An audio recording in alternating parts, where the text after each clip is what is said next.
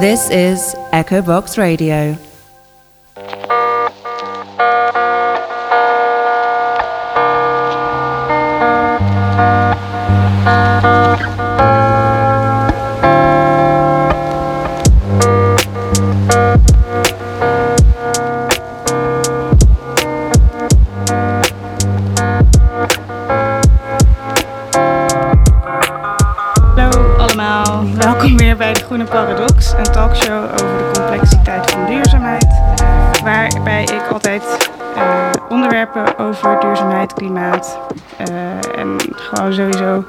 De toekomst van de aarde bespreek met mensen die er een beetje verschillende perspectieven op hebben.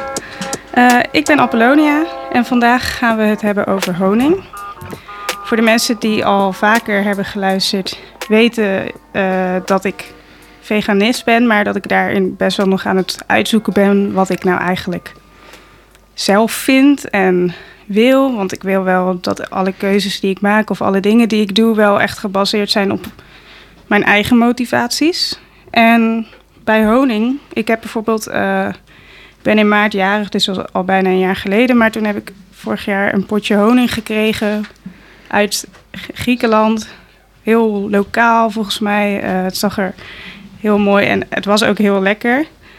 En toen ik het kreeg, dacht ik ook van, oh, maar dit mag ik niet eten. Ehm, en daarna ging ik eigenlijk ook denken, maar waarom niet? Ik heb echt geen idee waarom niet eigenlijk. Ik weet niks over bijen. Ik weet alleen dat ze aan het uitsterven zijn en dat we daar dingen voor moeten doen.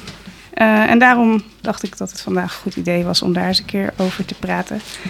En daarom ben ik vandaag met Sandra van Bijenbaas. Zij Ja. is imker. En ook met Anna, zij is ook imker. Alleen eh, zij is ook vegan. Dus dat is weer een, eh, een andere insteek. Ehm, ja, kunnen jullie zelf een beetje vertellen? Misschien jij als eerste, Sandra. eh, wat Ja. is Bijenbaas en waarom ben je begonnen als imker? Ja, ehm, ik ben dus eh, van huis uit psycholoog. Ik ben afgelopen zomer eh, afgestudeerd in psychologie. Maar al vrij snel in die studie merkte ik dat ik gedrag van dieren misschien nog wel veel interessanter vond dan gedrag van mensen. Oh, wauw. Ehm, en zodoende ben ik een beetje op zoek gegaan naar hoe ik die interesse dan kan uiten in mijn dagelijks leven. Eh, dus nu ongeveer twee jaar geleden ben ik begonnen als hobby-imker. Gewoon met een eigen volkje. Eh, en eh, ja, toen kwam dit een beetje op mijn pad. Bijenbaas is een organisatie die Nederlandse honing produceert. We hebben ongeveer 800 kasten in Nederland staan verspreid over het hele land. Ehm, en ons idee is dus ook dat we zo lokaal mogelijk, zo puur mogelijk, zo duurzaam mogelijk honing willen produceren. Eh, en los daarvan kopen we bijvoorbeeld ook stukken land aan waar we dan bomen opplanten, ehm, bloemen eh, zaaien. Eh, dus dat is een beetje de twee dingen waar we ons mee bezighouden. Ja, ja. Nou, wat het duurzaam honing produceren betekent, daar gaan we zo meteen nog wel meer over hebben. Maar je vertelde wel dat jullie inderdaad stukken land kopen. En dat is ook waar al het geld heen gaat eigenlijk, hè? Ja, het idee is eigenlijk dat we per potje een vierkante meter aanschaffen. Eh, Ja. Dat is best moeilijk in Nederland. Ehm, maar eh, dat is het streven en dat lukt tot nu toe ook. Ehm, en eh, daar, daar maken we dan weer Nederlandse natuur van. Dus daar zetten we inheemse soorten op. Vooral natuurlijk planten die goed zijn voor de bestuivers. Zowel de honingbijen als de, nou wat zijn het, 360 eh, wilde solitaire bijen. Ja, klinkt super interessant Ja. in ieder geval. En je zei ook dat je eigenlijk bij de bijen terecht kwam omdat je wel geïnteresseerd was ook in het gedrag van dieren. Is dat ook iets eh, waar je veel over hebt geleerd met je werk als imker? Ja, natuurlijk sowieso Mhm. over het gedrag van de bijen zelf. Eh, al zijn honingbijen natuurlijk maar één van de zoveel soorten. Ehm, en ik, ik zou mezelf een eh, fanatiek hobbybioloog willen noemen. Echt heel leuk. ja. Ja. En Anna, eh, Hoi. ja, ik, ik zei het al, jij bent imker en vegan. Eh, hoe komt dat? Eh, ja, ik identificeer mezelf als veganist inderdaad. Ja. Ehm, ik ben wel, hoe, hoe zal ik zeggen, ik ben drie jaar geleden ben ik begonnen met imkeren. Hm. Ehm, en dat vooral omdat het, het concept ervan me gewoon heel leuk leek. Vooral zeg maar, om met, met de natuur bezig te zijn, met je handen bezig te zijn. En dat het dus een bepaalde complexiteit heeft. Die, ja, die ik tot dat moment niet in mijn leven had, denk ik. Dat ik gewoon Ja. even wilde toevoegen. En daarna ben ik in, nu ongeveer een jaar, anderhalf jaar geleden ben ik veganist geworden. Ehm, maar goed, ja, dan heb ik al die bijen natuurlijk op het dak staan. Hmm. Eh, dus dan moet je gaan kiezen, wat, eh, ja, wat, wat, wat, wat doe je dan verder? Eh, met, ja, met een bepaalde levensovertuiging die je, dan, die je dan aanneemt als veganist. En hoe ga je daarmee verder? En heb ik besloten om gewoon verder te gaan als imker. En dan enigszins wel mijn ge- ge- gedrag, zal ik maar zeggen, of mijn, mijn imkermethodes wel aangepast. Ja. Ehm, maar zo is het eigenlijk een beetje gegaan, ja. En dan eet je ook nog wel echt het ho- de honing? Of... Ik, eh, mijn, de eigen honing die mijn bijen produceren, de overproductie die ik eh, soms heb. Misschien dat we Ja. straks een beetje kunnen uitleggen hoe Ja. überhaupt hoe de honingproductie gaat. Ja. Ehm, maar ik gebruik ze in ieder geval niet als productievolk. Dus dat ik, eh, het is niet mijn doel om zoveel mogelijk kilo's Nee. uit een kast te nemen eigenlijk. Ehm, dus van mijn eigen bijen neem ik af en toe wel wat honing. Maar ik weiger het wel bijvoorbeeld in restaurants. Hm. Of ik ga niet, eh, of ik koop geen honing en ik koop ook geen, eh, geen eten, geen bewerkt voedsel waar, waar honing in zit. Ja, en eh, voordat je eh, veganist werd, eh, toen is het een werkwoord eigenlijk imkeren? Of hoe zeg je ik denk dat? het wel. Laten we- Bijhouden? Laten we voor nu besluiten dat het een werkwoord is. Ja. Imkerde je toen eh, ook alleen voor jezelf of was het ook, eh, wat deed je toen met de honing? Eh, ja, dat is dan. Het is sowieso een. ja, je begint altijd met, met één kast, misschien twee. Eh, het was per definitie hobby-imkeren. Ja. Ehm, en dan had ik misschien, weet niet, 15 kilo van één volk. Dus een volk is een, is een groep, een nest, Mhm. een uh, familie bijen, zal ik maar zeggen. Ehm, dan had ik misschien 12 kilo en dan verkoop, ja, verkoop je dat aan, aan mensen die in je omgeving of aan, ja, aan de buren. Dat soort, eh, dat soort dingen. Maar dat is ook Oh. meer om de kosten eigenlijk een beetje te dekken, omdat het Ja, dus best wel een dure hobby is. Ja, het is een behoorlijk dure hobby. Oh, oh, dat zou ik echt niet achterzoeken eigenlijk. Ehm, en eh, wanneer ben je, anderhalf jaar geleden zei je dat je veganist Ik ben in september vorig jaar ben ik eh, vegan geworden. En eh, met welke reden? Want je bent ook activist bij Extinction Rebellion, toch? Ja, klopt. Heeft dat er iets mee te maken? Ehm, nou, e- eigenlijk, ik ben, in september ben ik veganist geworden. Eigenlijk, ik was al een tijdje vegetariër. En toen ehm, had ik, misschien voor mensen bekende documentaire Earthlings. Dus The Minion is ook een eh, vervolg daarvan. Het is een soort is een film over hoe mensen met dieren omgaan Mhm. eigenlijk. Ehm, en toen had ik dat gezien dacht van, nou, dit is eigenlijk gewoon walgelijk. Ik kan dit niet, eh, ik wil, ik wil dit niet, ik wil eigenlijk, je stemt met je geld en ik wil hier niet langer voor kiezen. Ja. Dus toen ben ik veganist geworden. En toen ben ik daarna ben ik eigenlijk heel toevallig eh Extinction Rebellion binnengerold. Oh. Ehm, maar toen had, ja, dus het is natuurlijk makkelijker als je al een bepaalde kijk hebt op het leven en dan bepaalde. Ja, dus precies. Het, het doet jullie allebei sowieso wel aan dat, eh, dat we duurzamer moeten leven en produceren en consumeren. Ja. Ja. Eh, ja, dan inderdaad, wa- wat jij zei al, eh, Anne. hoe wordt honing gemaakt? Laten we het daar inderdaad eerst even over hebben. Want wat is honing eigenlijk? Waar komt het vandaan? Waarom maken wij honing? Brand los, ik ben een en al hoor. Ja, ehm, als ik het even puur naar de basics eh, vertaal. eh, Ja. honing komt eigenlijk van, nou, van bijen natuurlijk. En eh, de bijen die vliegen op bloemen. Bloemen die nectar ge- afgeven. En die nectar die zuigen ze op. Die slaan ze op in een honingmaag. En daar voegen ze eigenlijk allerlei enzymen aan toe. En ook wanneer ze het overgeven aan andere bijen, die voegen er natuurlijk ook weer allemaal enzymen aan toe.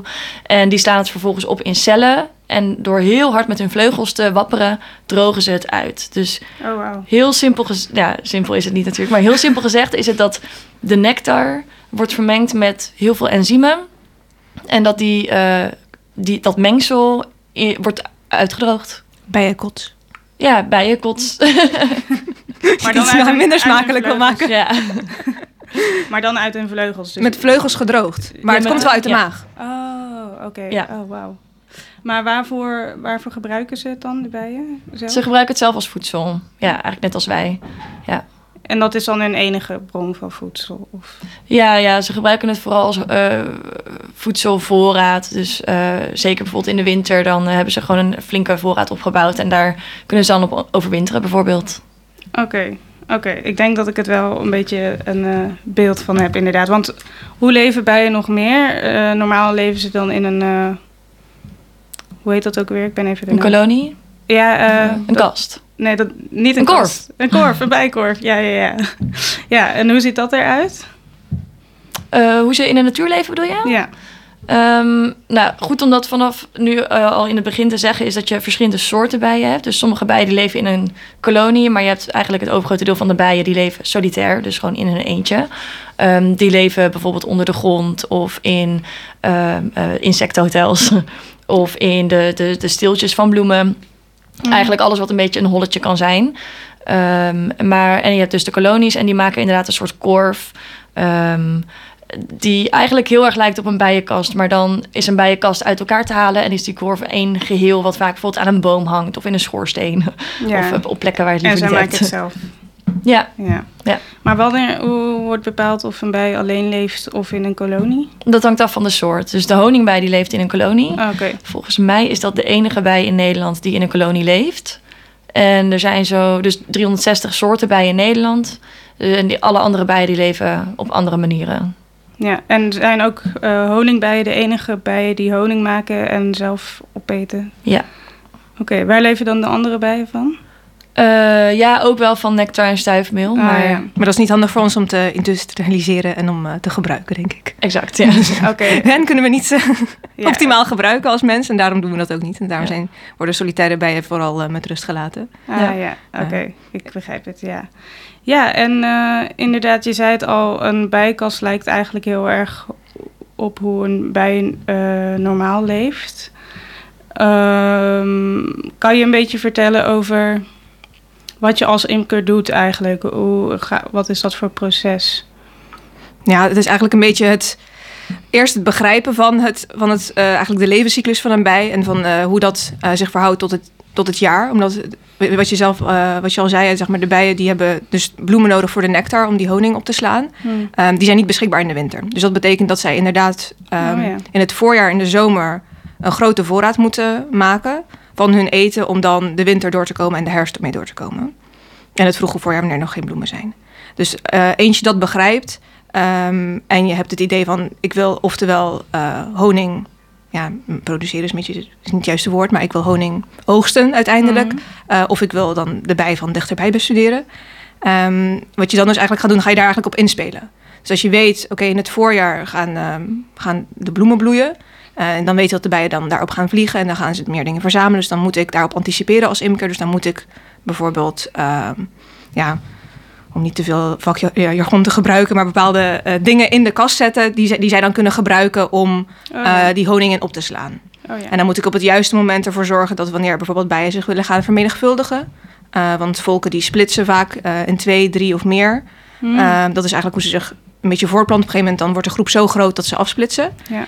Ehm, en als je dat niet wil, dan moet je daar ook op anticiperen. Dus eigenlijk als imker, je hebt dan een soort klein ecosysteem in een kast zitten.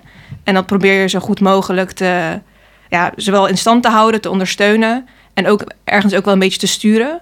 Omdat zij natuurlijk gedreven worden door biologie en niet door de reden. Ehm, dus dan soms hebben wij veel beter inzicht van wat is nou echt handig eh, voor de bij. Is het nou wel echt handig dat ze nu in vier verschillende kleine groepjes op gaan delen Mm. en allemaal wegvliegen? En waarheen dan? Ik imker Rotterdam. Er is geen holle boom te bekennen waar ze hun eh, waar ze een nieuw, eh, ja, een nieuw huis van moeten maken. Hmm. Dus dat is helemaal, dus dat is helemaal niet goed. Dus dan moet ik dat als, als, veg- als veganistische imker in ieder geval. En sowieso ook als, als imker, als je überhaupt je Ja. bij wil behouden. eh, moet je ervoor proberen te zorgen dat zij zo lang mogelijk bij je blijven in een veilige omgeving. Want als het aan hen ligt, dan gaan ze zich blijven opsplitsen, blijven wegvliegen en ook overlijden.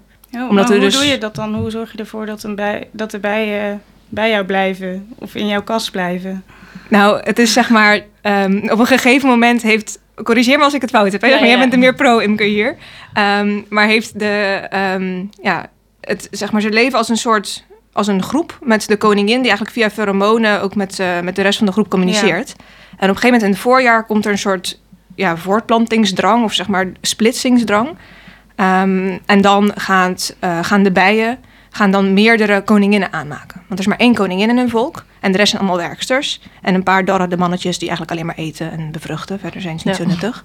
Hmm. Ehm, maar in ieder geval, dan gaan er meer koninginnen gemaakt worden. En hoe meer koninginnen er gemaakt worden, dat betekent dat... Stel, er komt een koningin uit, dus dan eh, van ei naar larve naar echt het insect. Ehm, er kunnen nooit meerdere koninginnen in een kast wonen. Hmm. Dus wat er dan gebeurt, is dan gaat de- deze nieuwe koningin... die vertrekt dan met een deel van het volk... en die gaat dan een nieuw huis opzoeken. Oké. En dus als imker haal je dan die cellen. Dus als je ziet van, oh, hier, gaat, hier zijn ze een koningin aan het broeden. Die haal je dan weg. Ehm, om ervoor te zorgen dat ze niet vrijkomt. Want als ze dan vrijkomt, dan gaan ze dus afsplitsen. Oh ja. En die andere koning gaat gewoon weg? Of is er nog een soort gevecht of ceremonie of zo? Dat, dat is gewoon op een vredes, vreedzame manier, zeg maar. Als er, als er eentje niet weglieft met, met een deel van het volk, dan zou, zullen ze wel gaan vechten. En dan is het gewoon degene die het sterkst is, wint. Ja, ja. ja. Maar je moet dus eigenlijk ervoor zorgen voordat de tweede koning er is... dat je dat eigenlijk al voor bent en het soort Ja. van... ja, wat je het liefste doet is... eh je hebt er trouwens heel veel technieken voor. En iedere imker heeft dan weer Oh, zijn ja. eigen filosofie... of wat er dan het beste is. Ehm, maar eh, wij houden altijd gewoon de, de Universiteit van Wageningen in de gaten. En zij hebben een soort stappenplan... waarbij je eigenlijk van tevoren al eh, je volkje opsplitst... waardoor ze ook niet de drang krijgen om... eh ja, splitsingsdrang te krijgen, wat jij eh, mooi, mooi gebruikte. Ehm, dus inderdaad, je, eh, je, je zorgt ervoor dat er geen nieuwe koninginnen kom- komen. Of je zorgt ervoor dat je ze opsplitst op tijd, waardoor ze zelf, de, ja, een kunstzwerm noemen we dat dan. Eh, waardoor ze eigenlijk al opgesplitst worden, maar dan gecontroleerd. En dat je ze niet zomaar kwijt bent, maar dat je ze al opsplitst in twee aparte kasten.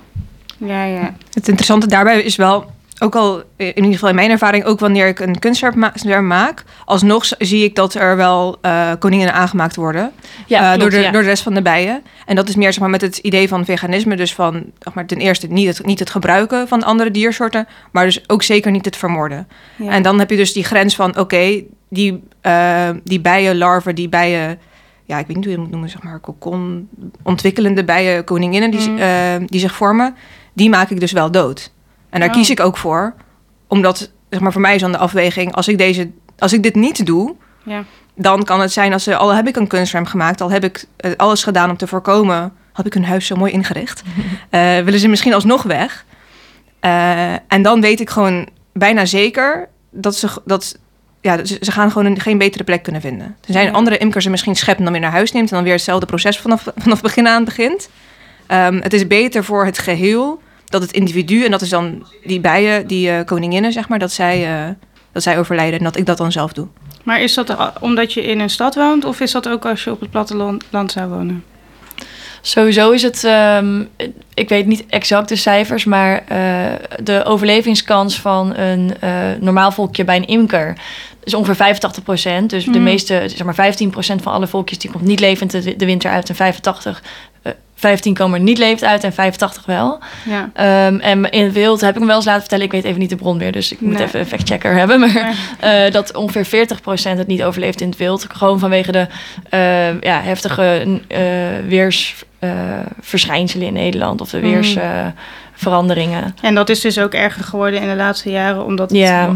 ja, ja, bijvoorbeeld late winters of eh, korte, warmere periodes tussen de winter door. Dat zijn allemaal dingen die voor bijen echt funest zijn. mm, En als imker kan je daar natuurlijk een beetje op inspelen.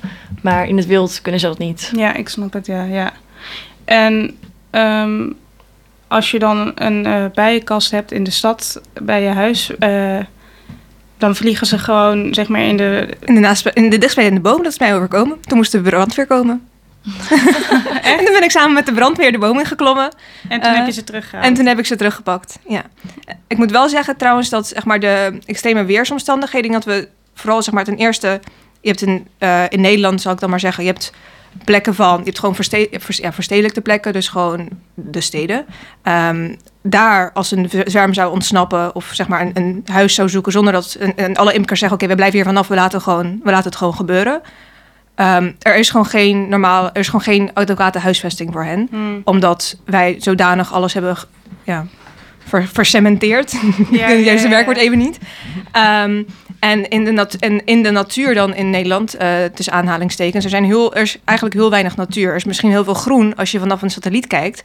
Eh, maar dat is veel landbouwgrond eh, die gewoon plat is. Ja, Ehm, dus ja, dan als, je, als, ik daar, als ik een paar bijenkasten zogezegd in de natuur heb staan... en ze ontsnappen en er is geen boom in zicht... Ja, waar, gaan, waar gaan ze dan heen met z'n zestigduizenden? Ja. ja. Ze hebben echt een, bes- echt een beschutte, een soort ja, een holle boom. Ehm ik kan eigenlijk niet een, een ander natuurverschijnsel, want een schoorsteen dat is weer een, een menselijke, ja. menselijke creatie die je eigenlijk hebt.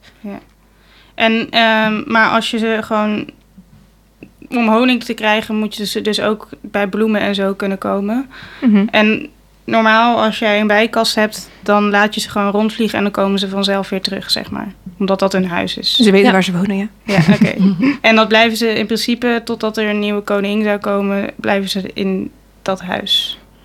Ze blijven in principe, ja, totdat ze, of ze, ze beslissen, we willen ergens anders gaan wonen samen met de koningin dan. En dan oh, gaan, en dat kan wel gebeuren ook. dat, eh, dat is al bij, tijdens het opsplitsen, dat bedoel ik dan. Oh, oh, oké. Ehm, en dan gaan ze een ander huis zoeken. Maar het is niet zo dat, eh, ja, heel sporadisch gebeurt het wel, maar dat is een beetje, Ja. dat, dat een enkele bij misschien bij een andere kast zich voegt of zo. ja. Ehm, maar dat is ook eigenlijk niet eh, veel al. Om het gemakkelijk te houden, kun je dus altijd terug naar huis.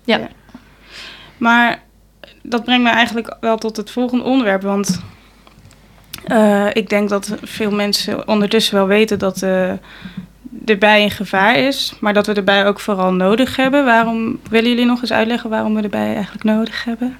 Ja, de, de bijen die bestuift natuurlijk die bloemen. Dus wat Mm. ik net beschreef over dat honing halen en zo, of de, het nectar halen, eh, dat is nodig voor de voortplanting van de bloemen en de bomen. Ja. Ehm, en om even een indruk te geven, ongeveer 30% van alles wat wij eten eh, is afkomstig daarvan. Nou, als je Mm. veganistisch eet, dan misschien zelfs nog meer. ja. Ehm, is afkomstig van de bestuiving van bijen en andere bestuivers. Eh, en bijvoorbeeld in Nederland hebben we natuurlijk heel veel landbouwgrond. Eh, ongeveer 75% van alle landbouwgrond wordt ook bestoven door bijen. Ehm, dus het is ja, voor onszelf, voor dieren, heel belangrijk dat we die planten natuurlijk behouden, want dat is onze voedselbron. Eh, ja, ik- snap het inderdaad. En eh, nu is ze bij aan het uitsterven, toch? Eh, Of, ja. En is het dan eigenlijk niet op de, door de informatie die ik ne- net heb gekregen van jullie... eh, zijn de imkers niet eigenlijk nodig om bijen in leven te houden? Of, Ja, voor de honingbij ja. oh ja, Eh, maar dus voor al die andere solitaire bij eh, nee. oh ja. Ehm, ongeveer de helft van alle Nederlandse bijensoorten is, staat nu op de rode lijst. Er is een eh, soort rode lijst waarop alle ja, beschermstatussen worden bijgehouden. En de helft daarvan is minimaal bedreigd. Dus bedreigd of bijna uitgestorven. Dus dat is best wel veel. Oh, wauw. Ehm, en het allerbelangrijkste daarvoor is dat we gewoon meer voedsel voor ze moeten regelen. Hmm. Dus inderdaad niet georganiseerd groen, maar echt natuur, Nederlandse inheemse Ja. soorten. Ehm, bloemetjes in je tuin. ja. dat is Rewilding allerbelangrijkste. echt. Ja, dat is het eigenlijk wat we nodig allerbelangrijkst. Ja. ja. En dat is waarom jullie ook eh, land kopen en daar weer natuur op zetten. Precies, ja. Want wij, wij helpen natuurlijk de honing bij. Als er een keer eh, te weinig voedsel blijkt te zijn. Of er zijn eh, bijvoorbeeld dit jaar komen de krokussen nu al uit. Dat is veel te vroeg. Dus dan weten we van nou ja, ja, veel te vroeg. Dus dan weten we van nou ja, misschien kan er wel iets van schaarste eh, Ja. komen. Eh, dus dan kunnen wij ze verzorgen en bijvoeren. Ehm, maar de wilde bij heeft dat natuurlijk niet. Ja. Dus daarvoor is het gewoon belangrijk dat we zoveel mogelijk voedsel voor ze planten. Dus wij hebben elk jaar hebben we een bomenplantdag en een eh, zaaidag. Ik snap het, ja. Ja. Dus het heeft... Maar ehm, ja, denk je dat, dat de imker daarin wel een, een rol speelt? Of, eh, Ja, ik denk dat de meeste imkers die ik gesproken heb, tenminste, er wel bewust mee bezig zijn. Bijvoorbeeld ook als ik mijn kast ergens neerzet, dan eh, mijn bijenkast dus, dan, dan zorg ik ervoor dat het een plek is waar genoeg voedsel is. Of dan creëer ik dat zelf door bloemen en eh, te zaaien. Ehm, dus ik denk dat je als imker zijnde ook wel een verantwoordelijkheid hebt om ervoor te zorgen dat jouw eigen kast in ieder geval voldoende voedsel heeft. En dat die dus ook niet concurreert met de wilde bijen ehm, Hmm. in de omgeving. Oké. Hoe denk jij daarover, Anne? Ik denk dat eerst nog een kleine toevoeging voor mensen die helemaal niks weten over bijen. Ze, ze, ze kunnen dus vliegen van ongeveer tot drie tot vijf kilometer goede om hun ja. kast heen. Dus het is niet zo dat eh, als jij geen bijen hebt in je tuin, maar wel bloemen, dat, dat we niks aan die bloemen hebben. Hmm. Eh, dus er is wel echt een eh, best wel grote radius. En ehm, ik ben het eigenlijk wel, ik ben grotendeels met je eens, maar ik denk dat het ook wel een soort van verplichting is om ook te benoemen dat ehm, er is onderzoek gedaan en er is gekeken naar het effect van, ehm, ja, niet van hobby-imkeren, maar dus van, eh, van honingbij, van het houden van honingbijen. Ehm, en op de- die druk op de populatie van wilde bijen. En daar is eigenlijk wel uitgekomen dat het een negatieve invloed heeft. Omdat de honingbij die concurreert met de inheemse, wilde, zeg maar vrijbandige, losse, eh ja, losse de andere soorten. Precies, bij. met de andere soorten. Ehm, nou is dat, dat, dat, is, dat is zo, dat is, dan, dat is dan vastgesteld dat er een negatieve correlatie, ja, correlatie, causatie, dat er een eh, negatief verband is. Ehm, maar per- persoonlijk is, is dat voor mij niet een reden om te zeggen: oké, dus imkeren is slecht voor de bij. Hmm. Ehm, en dat juist voornamelijk over wat, waar we het dus net over hadden. Ehm, er is eh, de, de uitsterving van de bij is gewoon een gevolg van de ja, ecologische crisis die op dit moment bezig, zijn, be- bezig is en waar we ook eh, steeds meer naar op afstevenen. Ehm, en die veroorzaken we zelf door de natuurgebieden die we hebben, door de wildernis die we eh, enigszins hadden, nog verder te verwoesten.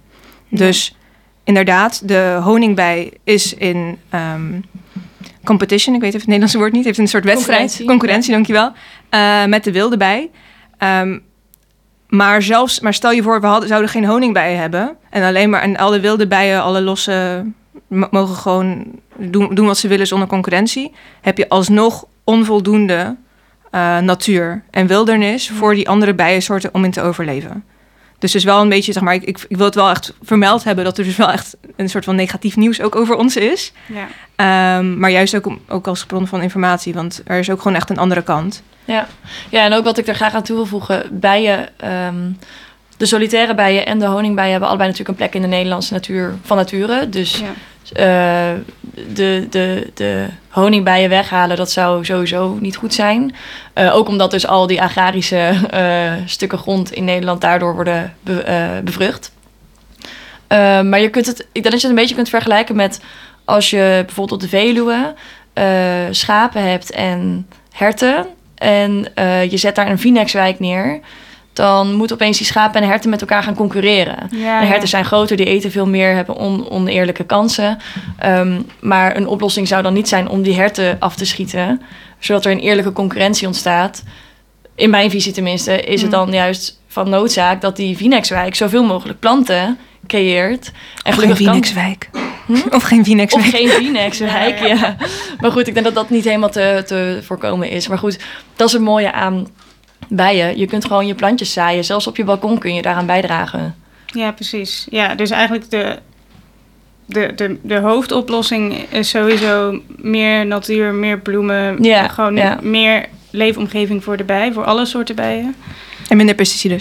Ja, Minder, pesticiden. pesticiden. minder pesticidengebruik, minder Oké. eh, gevaarlijke chemicaliëngebruik. Want dat is ook echt een groot, eh, Grote Ja, bedreiging. grote ja. bedreiging voor, voor en überhaupt insecten aan zich. En daarmee eigenlijk ons gehele ecosysteem. oh ja. Want je kan wel zeggen, ja, oké, dan eten we dus nooit meer mandelen. Of ik weet niet wat, wat, wat voor andere, zeg maar, wat is de 60% van onze landbouwgrond die we dan niet meer kunnen, eh, van het eten niet meer kunnen benutten. Weet ik ook niet precies. Maar uiteindelijk, het is allemaal, we zijn allemaal deel van een ecologisch geheel.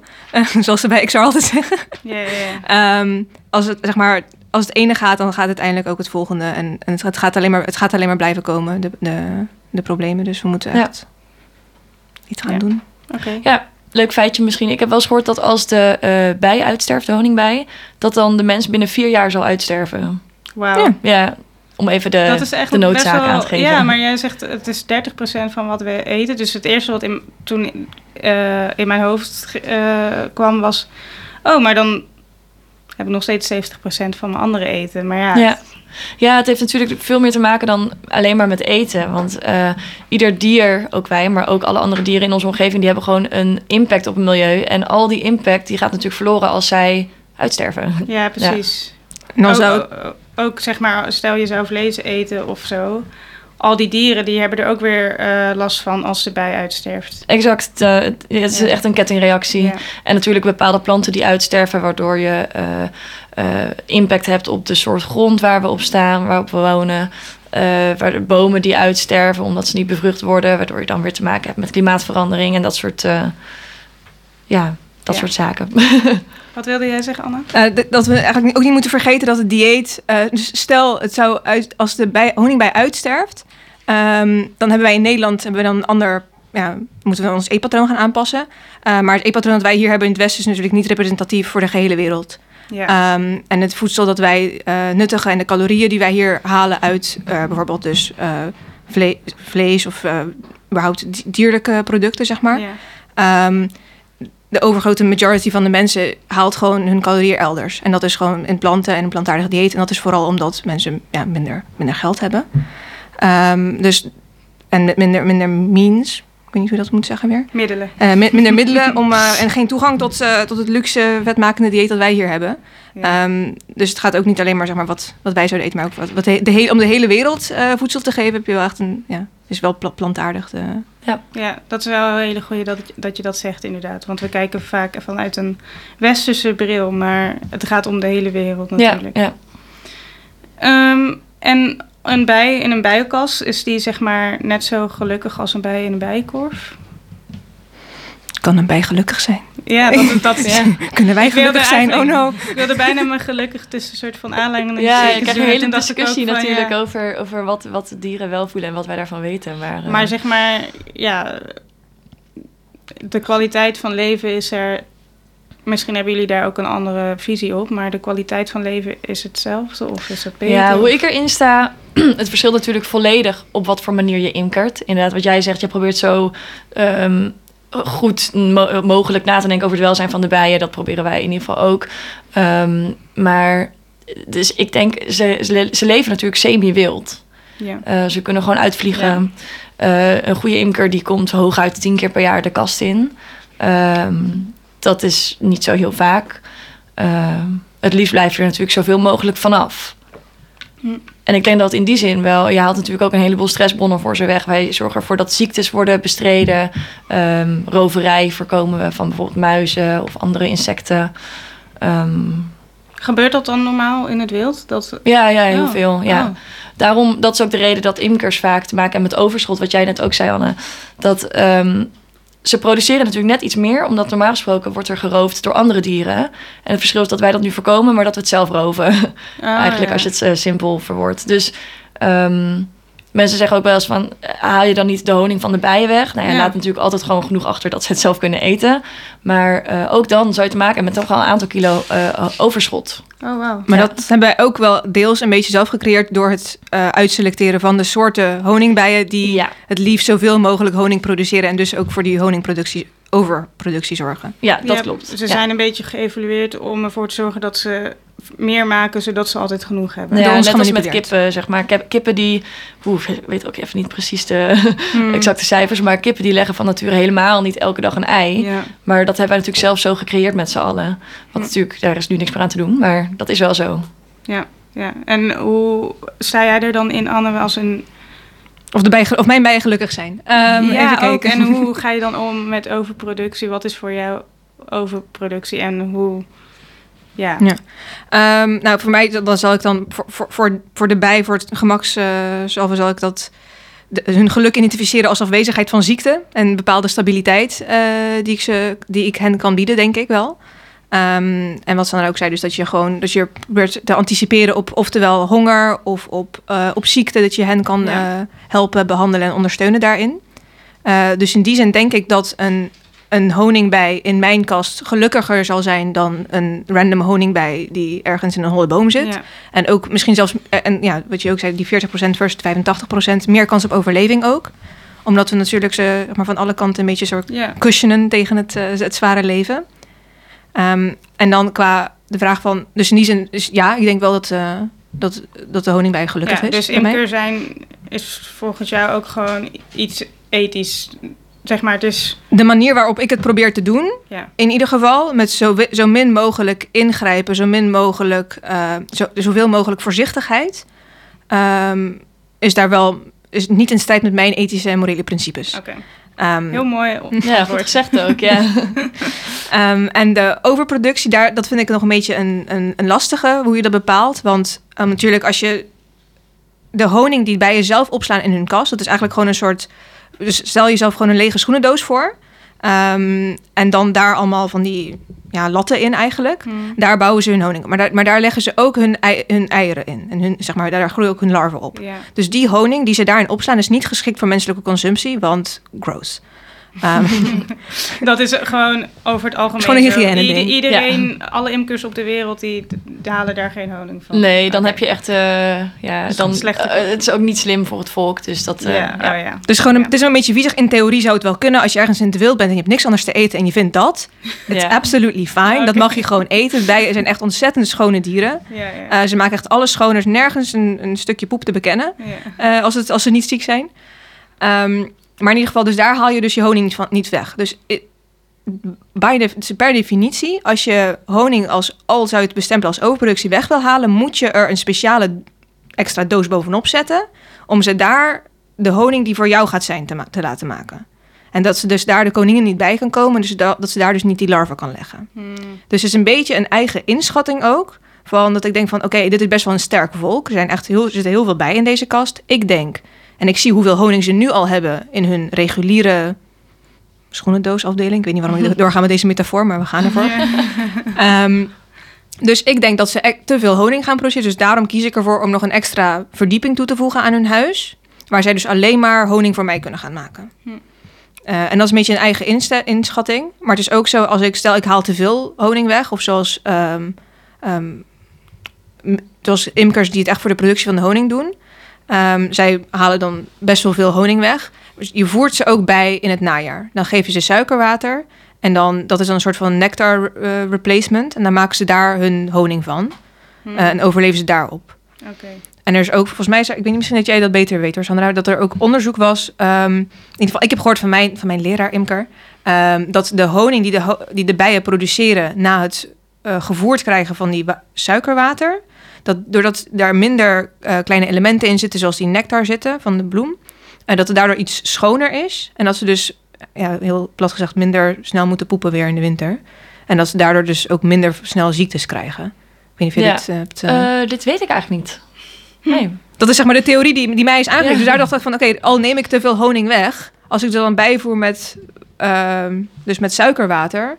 zal de honing die ze daar daarna de winter ingaan... is misschien zelfs gezonder voor hen... omdat ze dus minder snel ziek gaan worden. Ah. Ja, nou, wat natuurlijk sowieso wel is... ehm, je laat altijd sowieso iets van honing achter voor, zo wat Ja. je zegt. Want in honing zitten natuurlijk allerlei extra stoffen... dan alleen maar in suiker met water gemengd. Precies. Ehm, dus je laat sowieso iets voor ze achter. En het is inderdaad een beetje per imker en per volk... dat je moet inschatten hoeveel je er dan van weg kan halen... en hoeveel je moet laten zitten. Eh, inderdaad, eh, commerciële bedrijven, bijvoorbeeld eh, de meeste supermarkthoning... die eh, zal daar geen rekening mee hebben gehouden... Ehm, maar ja, ik weet niet precies wat jij vertelde, hoe dat, hoe dat zit. Maar dat, ja, het zou ongetwijfeld waar zijn. ja. Dat is altijd fijn wanneer iemand dat Ja. tegen mij zegt. Maar Ja. oh, inderdaad over die supermarkthoning. Laten we het daar even over hebben. Want ik heb nu heel veel gehoord over hoe jullie het imkeren. ja. Ehm, maar wa- wat voor beeld moet ik, wat moet ik me voorstellen bij de honing die ik uit de supermarkt koop? Op welk, zij nemen bijvoorbeeld veel meer honing af en geven ze dan maar suikerwater met als eh, gevolg dat de, de bij minder gezond is. Ja. Ja, het moeilijke aan supermarkthoning is natuurlijk dat je nooit kunt zien hoe Ja. het wordt gedaan. Dus Hoe Daarom zou ik ook- komt. ja, daarom zou ik ook altijd zeggen, haal het gewoon bij een lokale imker. Dan kan je als je wil waarschijnlijk zelfs een keertje meekijken. Superleuk en leerzaam. Ja. En dan heb je er zelf een beetje een gevoel bij. Maar ik heb dus toevallig in aanloop van deze show heb ik nog eh, het een en ander opgezocht daarover om even de facts te checken. ja, heel goed. Dat en, vind ik heel ehm, fijn. ja, en het is eigenlijk nog erger dan dat ik had gedacht. Oh. Ehm, want nou, wat sowieso heel vaak wordt gedaan, bijvoorbeeld met honing uit China, is dat het wordt aangelengd met andere siropen. Bijvoorbeeld Oh. agavesiroop of rijstsiroop of allerlei andere soorten siroop. Dus je eet eigenlijk niet eens echt honing. Eh, en ze bedenken gewoon, er zijn natuurlijk wel tests voor, maar ze bedenken gewoon iedere keer een nieuw soort siroop wat door de test heen komt. Hmm. Dit is Je bedoelt de test van een soort kwaliteits... ja, eh, een kwaliteitstest. ja. En dat is natuurlijk heel vaak met producten. Als je weet waar het vandaan komt, dat je het opeens niet meer wil eten.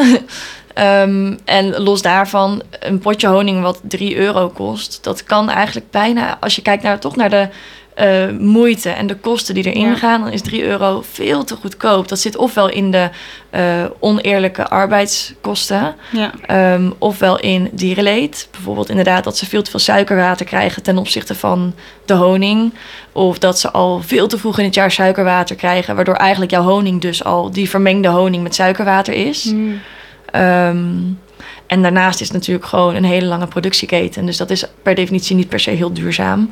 Eh, het wordt natuurlijk met allerlei schepen en vliegtuigen hierheen gebracht. En dan is het potje van je buurman natuurlijk altijd nog beter. Ja. Ehm, maar goed, dus ja, ik, ik, ik ben zelf daar dus geen fan van. Hmm. Ja, ehm, wat, eh, hoe, hoe ziet het leven van een bijder dan uit bij een imker waar, van de supermarkt, zeg maar? Je zegt dus, ze krijgen te, ehm, te vroeg of te veel suikerwater. Maar zijn er nog andere vormen van dierenleed waar we mee te maken krijgen?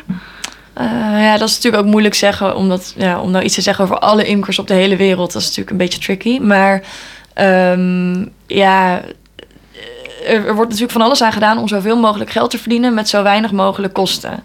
En dat gaat gewoon in kwaliteit zitten. Dus Hmm. inderdaad in hoe er met de bijen wordt omgegaan. Ehm, inderdaad wat voor voer ze krijgen, wat voor bestrijding ze krijgen.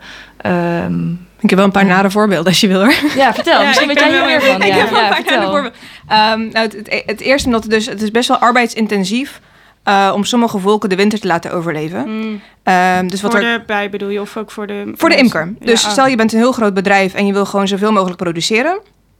En je hebt gewoon eh, in een bepaald jaar gemerkt van oké, deze volken eh, en deze kassen zijn helemaal niet zo goed. Ah, Eh, dus dan branden we ze gewoon af Oh, voor de winter. Ja, dat heb ik ook wel eens gehoord inderdaad. Ehm, dus dat is een mogelijkheid. Ehm, Want het is eigenlijk goedkoper om gewoon een nieuw volk te starten. Ja. Het is goedkoper om ze gewoon allemaal dood- en niet eens soort van vrij te, la- ja, vrij te laten eh, of het huis uit te zetten. Eh, het, maar het, is, het is goedkoper om ze gewoon letterlijk uit te laten branden. En allemaal dood te maken dan dat, ze, dat je ze de, winter probeert door te, Oh, door te krijgen. Ehm, dus dat is een probleem. Ehm, Dat en- is zo erg, want als je imker bent, dan realiseer je toch gewoon... Als je imker bent en je werkt met bijen, hoe kan je dan niet doorhebben dat, bijen, dat wij bijen nodig hebben? Maar imker is echt een ambachtelijke term, hè, vind ik zelf persoonlijk. ja, Eh, precies. maar als je echt duizenden, als je, als je een corporatie, als je een bedrijf bent met eh, duizenden volken, vraag ik me af of je nog imker bent. Of de mensen die jij, Ja. die jij betaalt om bepaalde handelingen uit te voeren in een bijenkast, of je hen echt imker mag noemen. Ja. Ik snap wat je Ehm, bedoelt. Dus ja, dus in die zin, ik denk dat er, ge- er geen enkele waarde wordt gehecht aan het leven of aan, zeg maar, het, het eigenlijk het is één gedeelde organisme, e- één volk. Een enkele bij stelt eigenlijk zelf niks voor en kan op zichzelf helemaal niks. Maar dus in het geheel zijn ze, zijn ze, zijn ze iets. Ah, maar dus ja, dus het uitbranden is er. Ehm, en eh, mijn, eh, ja, een van mijn eh, ja, pro- pro- problemen met de imkerij of met, de, met het systeem is in ieder geval ook dat bijvoorbeeld in Amerika wat er gedaan wordt, is dat Ehm, bijvoorbeeld, kijk, in Californië heb je eh, alle amandelen. Eh, zeg maar, of de meeste amandelen van de wereld komen uit Californië. Daar staan echt heel veel amandelbomen. En die moeten allemaal tegelijkertijd worden be. Be, be- Ja. Bestuif. Bestuift, dat is het, precies. Ehm, maar omdat er zo ontzettend veel zijn, heb je niet genoeg aan de bijenkasten die in Californië staan. Dus wat gaan ze allemaal doen? Dus dan krijg je al die grote bedrijven die hun. Want je kan bijen natuurlijk ook voor, op dat moment, op dat, op die, op dat, wacht, op die manier commercieel inzetten. Dat is wat ik probeer te zeggen. Eh, dus niet alleen voor de honing, maar ook voor het bestuiven. En dan gaan ze dus van heel, van heel het land gaan ze bijen in grote vrachtwagens zetten. Mm. Ehm, slecht geventileerd. En, Ja. echt, Ik weet niet meer hoeveel procent er nou overlijdt. Volgens mij was het echt minimaal 30 procent. Red gewoon de, de trip niet. Ehm, die gaan dan allemaal daarheen. Ja. En dan gaan ze daar een aantal weken bestuiven. En dan gaan ze daarna weer terug naar hun eh, thuisbasis. En dan doorheen de rest van het jaar maken ze dan honing. En die honing dan wordt dan ook verkocht. Eh, maar die honing is dan dus eigenlijk een product van, het, van de massale displacement van die bijen. ja. Ehm, en daarbij dus ook het, heb je dus het ri- echt risico op ziektes. Dus, ja, dus als, als je Oh, gewoon heel, ja, net zoals met de, eigenlijk met, met, met, heel veel, met heel veel ziektes die van dieren eh, uitkomen. En als je heel veel mensen op elkaar zet, met corona, als je, ja. merk je het ook als je gewoon, als we met z'n allen in één kamer gaan zitten en één persoon is ziek, dan wordt iedereen ziek uiteindelijk, als je maar lang genoeg bij elkaar zit. Mm, ja, ja, ja. Ehm, en dat doe je, zo speel je eigenlijk ook met de gezondheid van die bijen en van de volgende generaties van bijen. Eh, want al is er een- iemand geweest in Vermont, ik noem maar wat, en die had een of andere. Die had, die had een ziekte en die is toen met zijn vrachtwagen gaan rijden. En die heeft dan ook wat andere kasten opgepikt. Ja, dan hebben ze het allemaal. Ja. En dan heb je gewoon heel veel. eh, daar- op die manier heb je echt zo'n soort super spread event. Ja. eh, maar dan onder de bijen. Ja. Maar wat je zegt over eh bijen inzetten in andere processen, dat kan natuurlijk ook op een ethische manier gebeuren. Als je op een boerderij woont en je hebt een, eh, een tuin zeg maar, met je groenten, Ja. dan is het eigenlijk alleen maar. Dat is symbiose. Oeh, Ja, ja, heel mooi. ja, het is natuurlijk... In Nederland hebben we dus heel veel agrarische eh, stukken land. Ja, En die moeten allemaal bestuift worden. Ehm, en wat veel imkers ook wel doen om een klein beetje bij te verdienen en eh, de kosten te kunnen dekken, is dat ze met hun, inderdaad precies wat jij zegt, wat ook in Amerika gebeurt, eh, dat ze met hun bijenvolken dan naar een appelboomgaard gaan of een kersenboomgaard. En dan kan de imker ehm, honing verkopen die echt alleen afkomstig is van die boomgaard. En de boomgaard is natuurlijk gewoon eh, bevrucht, dus dat is hartstikke goed nieuws. Wat natuurlijk eigenlijk het beste is, is als eh, die boer in kwestie eh, zelf ook imker wordt. En daar gewoon standaard hè, de deur openzet en zijn eigen volkje erop laat vliegen. Eh, bijen die zijn natuurlijk hartstikke energiebesparend. Dus die kiezen gewoon de bomen en de planten die het beest- meest dichtbij zijn.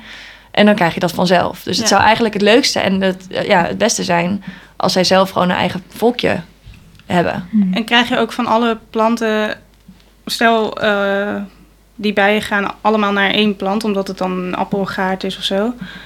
Krijg je dan van alle planten ook altijd honing, zeg maar? Omdat er wel altijd... Eh, ja, dat heeft met nectar en zo te Ja, maken, je maar- krijgt er nectar van. Dus in Ja. principe komt daar honing vanaf. Oké. Als de bij erop vliegt, is er Ja. per definitie iets, iets interessants om te halen. Ja. En dus per definitie honing. En dan kan je dus specifieke honing met speciale smaak, ja, met, met extra smaak. En, eh, Ja. Wat ik nog wel even, misschien ook als tip wil toevoegen aan eh, mensen die luisteren. En dan kan je aanvullen. je- Als je dus zeker wil weten dat je dus niet die, eh, niet de, ja, soms ja, Chinese nephoning, ik weet niet hoe ik het moet noemen. Ja. Eh, die siroop, als je, je ziet op de achterkant, als je al kiest om dus honing verder te kopen uit de winkel in plaats van bij een lokale imker of gewoon überhaupt niet te eten. ehm, er staat gewoon op of het EU of non-EU honing is. Dat is verplicht om erop Ja. te zetten. Dus dat is echt iets om op te letten. Eh, honing die niet uit de Europese Unie zit, die wordt minder gecontroleerd. Ehm, zowel op de aanwezigheid van ehm, pesticiden, anti- antibiotica en zware metalen. Ehm, en dus ook op eh, het feit of het überhaupt honing is, of dat het gewoon een of andere glucose-fructose siroop variatie is. Oké. Ja. Dus dat is gewoon echt iets wat je zelf. eh, Ja, maar kan in de, binnen de EU is dat dan per se een garantie voor dat het wel goed is? Of het is niet, geen garantie op ethisch eh, bijhouderij. Dat is het niet. Maar het is wel enigszins bescherming tegen een bepaald niveau van troep. Ja, dat je Misschien niet alles, honing maar- krijgt. Ja. Oké, oké. Ja. Ehm, en de, we hebben het heel veel over de bijen gehad, maar eh, net werd ook al even gezegd de arbeidsomstandigheden. Eh, hoe zien die er meestal uit op grote, ja, eh, massale imkerijen? Eh, Oeh, daar weet ik het fijn niet van. Maar je moet je voorstellen, er wordt natuurlijk bezuinigd. Want als je een potje van honing van 3 euro hebt, Ja. daar moet bezuinigd worden. Eh, dus ik kan me zo voorstellen dat de arbeidsomstandigheden daar niet echt ideaal zijn. Het is natuurlijk best een, niet per se gevaarlijk beroep, maar je hebt het gewoon wel risico's. Ehm, dus je moet gewoon beschermd zijn en je moet gewoon goed betaald krijgen voor wat je doet. Ehm, dus als je dat zeker wil weten, dan moet je gewoon lekker naar een hobby-imker gaan. Ja, oké. Ja. En ehm, ehm, eigenlijk wat ik heel veel keuzes die ik zelf maak, die gaan er wel over van is het goed voor het milieu, is het duurzaam? En tot nu toe, als ik mijn eigen oordeel vel, Mhm. heb ik wel het idee dat je best wel op een ethische en duurzame manier eh, honing kan eh, consumeren. Maar ehm, zijn er nog manieren waar, waardoor, waardoor het niet, eh, ja, waardoor het slecht is voor het milieu? Andere manieren dan dier en welzijn en arbeidsomstandigheden. Omstandigheden. Want ik bedoel, eigenlijk hebben we het er ook over gehad dat het wel in principe deels helpt om de bij in leven te houden. Ja, Maar dat is dus als je de, ge- ja, de geloofsschool, zal ik maar zeggen, aanhoudt dat ehm, het bewijs dat honingbijen de wilde bij verdrukt, ehm, of dat daar in ieder geval een verband tussen is aangetoond. Ehm, Als je dus, zeg maar, dus, dus eigenlijk mijn redenering volgt van, hey, dat, dat kan misschien wel zo zijn. ehm, op een vierkante meter met beperkt aantal bloemen. Maar laten we niet vergeten dat we, op, dat we op dit moment actief alle bloemen aan het wegmaaien zijn. Precies, het gaat altijd over balans en in welke mate. Het is misschien niet goed als we zeg maar overproductie, massaproductie hebben van honing. En het is ook niet goed om alleen maar bij, honingbijen te... eh, Ja. Op, we moeten gewoon biodiversiteit hebben en genoeg natuur. Dat is wel een beetje mijn ja, en vooral ook de juiste natuur. Want in Nederland, eh, heel veel mensen die proberen goed te doen eh, door heel veel planten in de tuin te zetten. Mm, Maar het is natuurlijk heel belangrijk dat je de juiste planten daarvoor kiest. Veel van de bedreigde eh, solitaire bijen dus, ehm, die zijn specialisten. Dus die zijn helemaal gespecialiseerd in één soort of twee soorten bloemen. Of een bloemenfamilie. Ehm, en stel je hebt bijvoorbeeld een bij die eh, helemaal gespecialiseerd is in paardenbloemen. Dan eh, kan je die natuurlijk helpen door paardenbloemen te zaaien in je tuin. Mm. En op die manier is het dus belangrijk dat we goed kijken naar welke specialisten we dan dus hebben in Nederland. En welke bloemen daarbij horen. En bijvoorbeeld ook een beetje bewuste imkers die hun bijen dan niet op een paardenbloemenveld zetten. Oh ja. Omdat dan krijg je dus inderdaad oneerlijke con- concurrentie. Ah. Dus als jij ervoor zorgt, eh, de meeste eigenlijk honingbijen zijn allemaal generalisten, dus die kunnen eigenlijk bij van alles wat halen. Als die nou in de buurt zet van zo'n boomgaard, dan eh, is dat en goed voor de honingbij, maar dan zit je ook niet de wilde bijen in de weg. En ja, zeker dus als je dan overweegt om in je tuin het een en ander te, te zaaien, dan kan het geen kwaad om te zoeken wat voor planten nou het beste eh, daar geschikt voor zijn. En dit is overigens allemaal te vinden op de site van de Universiteit van Wageningen. Oké, Dus- gewoon op een normale Nederlandse taal voor iedereen toegankelijk. Ja, exact. Die hebben een soort lijst gemaakt met eh, welke planten je in je tuin kunt nemen om welke dieren te helpen. Dus dat is echt super leuk. En ehm, nog één laatste dingetje. Ehm, wat betekent biologische honing eigenlijk? Wat, wat is dat? ja, biologische honing in Nederland is best ingewikkeld. Ehm, Volgens mij is het label biologisch sowieso altijd best wel ingewikkeld. Best in- ja, dat klopt. Ja. Ehm, om Nederlandse biologische honing te produceren moet je ehm, eh, binnen een straal van drie kilometer, want dat is ongeveer wat ze vliegen, eh, geen eh, snelheidswegen, dus snelwegen en zo, en wegen eh, hebben, Mhm. geen industrieterrein en mogen er geen pesticiden worden gebruikt. Ehm, nou, En waarom geen snelwegen bijvoorbeeld? Wat heeft dat vanwege de stoffen en eh, Oh ja ja, oké. dat is heel moeilijk in Nederland, want we zijn zo'n klein landje dat Ja. eigenlijk altijd binnen drie kilometer wel iets daarvan te vinden is. Ja. En je weet natuurlijk wel hoe je zelf werkt, maar niet hoe de, buur, de buurman drie kilometer verderop te werk gaat qua pesticiden en dergelijke. Dus dat is in Nederland ja, bijna onmogelijk te krijgen. Mm. In het buitenland kan dat wel. Ehm, maar daar heb je ook weer andere regels voor. Dus het kan zijn dat je eh, eh, biologische honing uit Oekraïne koopt. En dat de regelgeving daar gewoon een stuk makkelijker voor is. Of corrupt of eh, makkelijk aan te schaffen. En je weet dus eigenlijk nooit precies wat biologisch in die zin betekent. Tenzij je er echt helemaal in verdiept.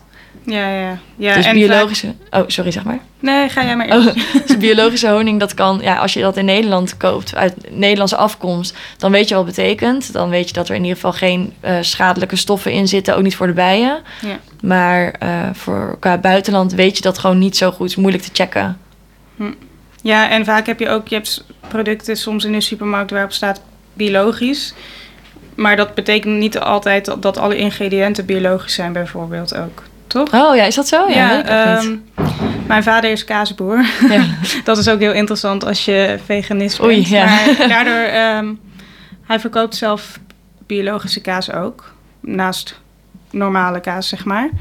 En hij heeft wel eens verteld dat je een bepaald... Je hebt een SKU-nummer of zo. Nee, niet SKU. Dat is een normaal productnummer. Je hebt een of ander nummer waaraan je kan aflezen...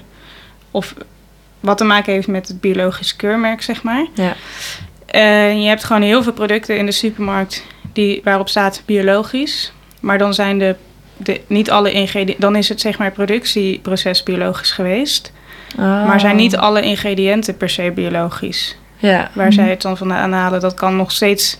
Ik weet ook niet precies meer op dit moment hoe dat dan.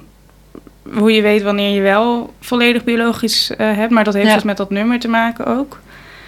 Ja, en ook sowieso als je in de supermarkt. Stel, ik ga nu bedenken, bedenk nu van oké, ik ehm, honing. Hè, ik zou dat op zich nog wel kunnen co- consumeren. En zeker als ik weet waar het vandaan komt, van een lokale boer. Maar als ik heel veel eh, granola bijvoorbeeld in de supermarkt, er zit honing in. Ja. Dan weet ik nooit waar dat vandaan nee, komt. natuurlijk. precies. Ja. ja, dat is best wel complex. En biologisch bete- betekent ook niet per se eh, vrij van dierenleed. Want Ja. wat voor honing betekent het dus geen pesticiden, geen schadelijke stoffen. Eh, en dat is volgens mij voor de meeste landen wel dat dat de, de maatstaffen zijn. Maar dat wil natuurlijk niet zeggen dat we geen ehm, bijenvolken eh, ja, ten koste zijn gegaan. Of dat er bijenvolken zijn afgebrand. Ja. ik noem maar wat. Al denk ik niet dat die door een biologisch keurmerk heen komen. Maar eh, je weet niet precies hoe de imker in dat geval met zijn bijen omgaat. Ja. Maar dus ook zeg maar, ja, of iets nou biologisch of niet biologisch is. Ik denk dat ook vanuit zowel perspectief van duurzaamheid als perspectief van veganisme. Is Ja. de vraag een beetje: wat is de, de, de ware waarde? Wat what's the true cost of this product? Dat is eigenlijk de vraag Ja, die we ons zeg maar, zo, zeg maar eigenlijk voortdurend proberen te stellen. eh, denk ik hier. Ja, ja, en Ehm, daarom vraag ik ook wat ja. betekent biologisch. Want vaak Ja. denken mensen... Precies. Maar dan zeg maar of het nou biologisch is of niet. Als je het per definitie, is, als je het in de winkel haalt, ehm, vraag ik mij af zeg maar, of mensen zich de, echt de ware waarde realiseren van die honing. Hoeveel werk er is ingegaan. Dus als je vanuit het veganistisch perspectief ervoor kiest, eh, of hebt besloten dat je het niet ethisch verantwoord vindt om niet alleen dieren te eten, maar ook ehm, hun producten die uit hun lichaam zijn gemaakt, of zeg maar waar hun ehm, ja, onvrijwillige, eh, per definitie arbeid voor is gebruikt. Ehm, en dat je dat voor hoeveel euro zeg maar, in de supermarkt kan kopen, hoeveel moeite daarin is gestoken. Ehm, zie ik persoonlijk honing niet als eh, zomaar een, een vegan-proof alternatief. Dus ik vind zelf, zeg maar, Mhm. daarom ik mezelf alsnog wel als, als veganist. Ik vind, ik vind honing niet vegan. Ja, ja. Uh, maar maak wel persoonlijk een uitzondering voor mijn eigen, omdat ik weet precies waar het vandaan komt en hoe het, uh, hoe het allemaal is gegaan. ja. Um, maar dus Je als zou men- het nooit zeg maar van een andere imker, ook al is van, een, nee, van een andere imker die ik ken, zou ik, ook, zou ik het ook nog, zou het nog wel kunnen. Ja, Um, maar het is gewoon niet iets. Ja, ik, wil, ik ben een beetje huiverig om mensen een soort vrijbrief te geven van. Oh, Oh, het is allemaal. Alles is soort van. Ja. Het is oké, want het volk is niet afgebrand. Je moet je ook gewoon ook een beetje de vraag stellen van: wil ik, dit, wil ik dat überhaupt? Um, je hebt ook gewoon agave-siroop. Je hebt ook gewoon alle andere, allemaal zeg maar gewoon Ja. suiker. Uh, Ja, andere andere ook- dingen. je hebt zoveel alternatieven. Inderdaad, agave-siroop, dat komt er zo dichtbij in de buurt. Mhm. Uh, dus ik zou ook zeggen, als je inderdaad twijfelt over of je honing wil eten of niet, nou, je kunt net zo goed eigenlijk agave-siroop gebruiken.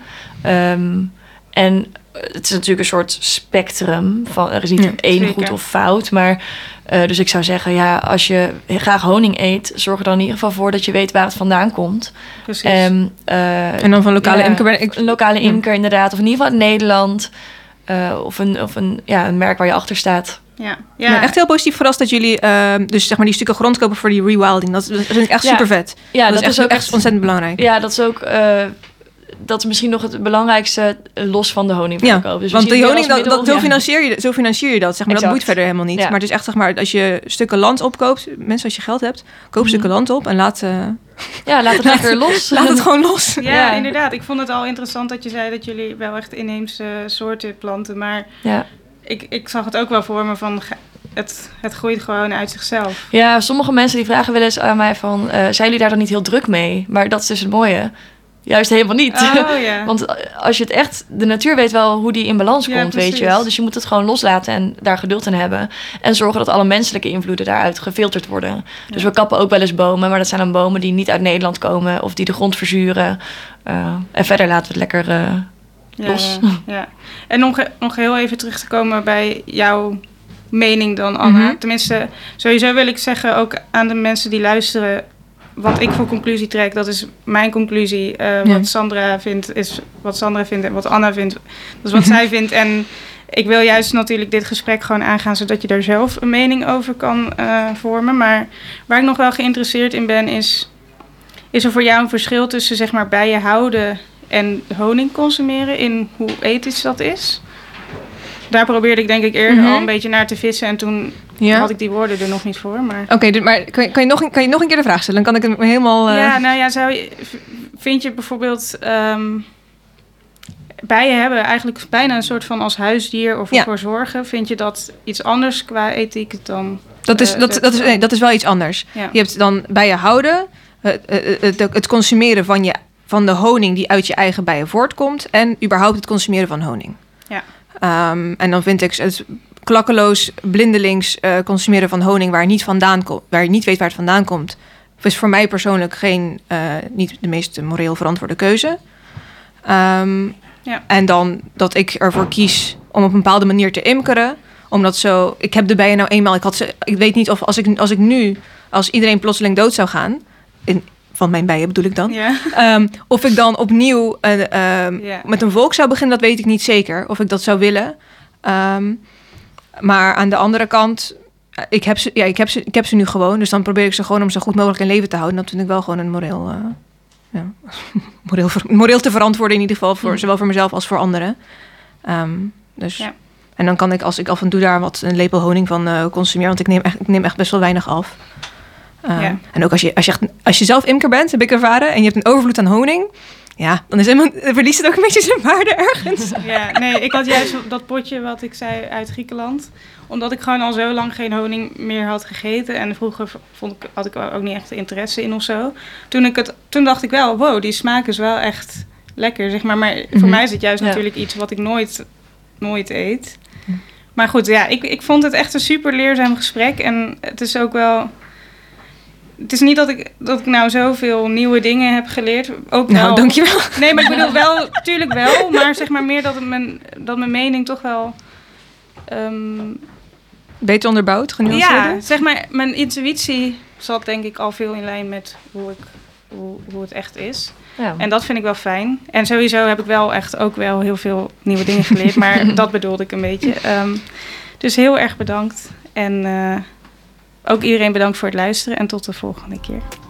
Doei! Jij bedankt.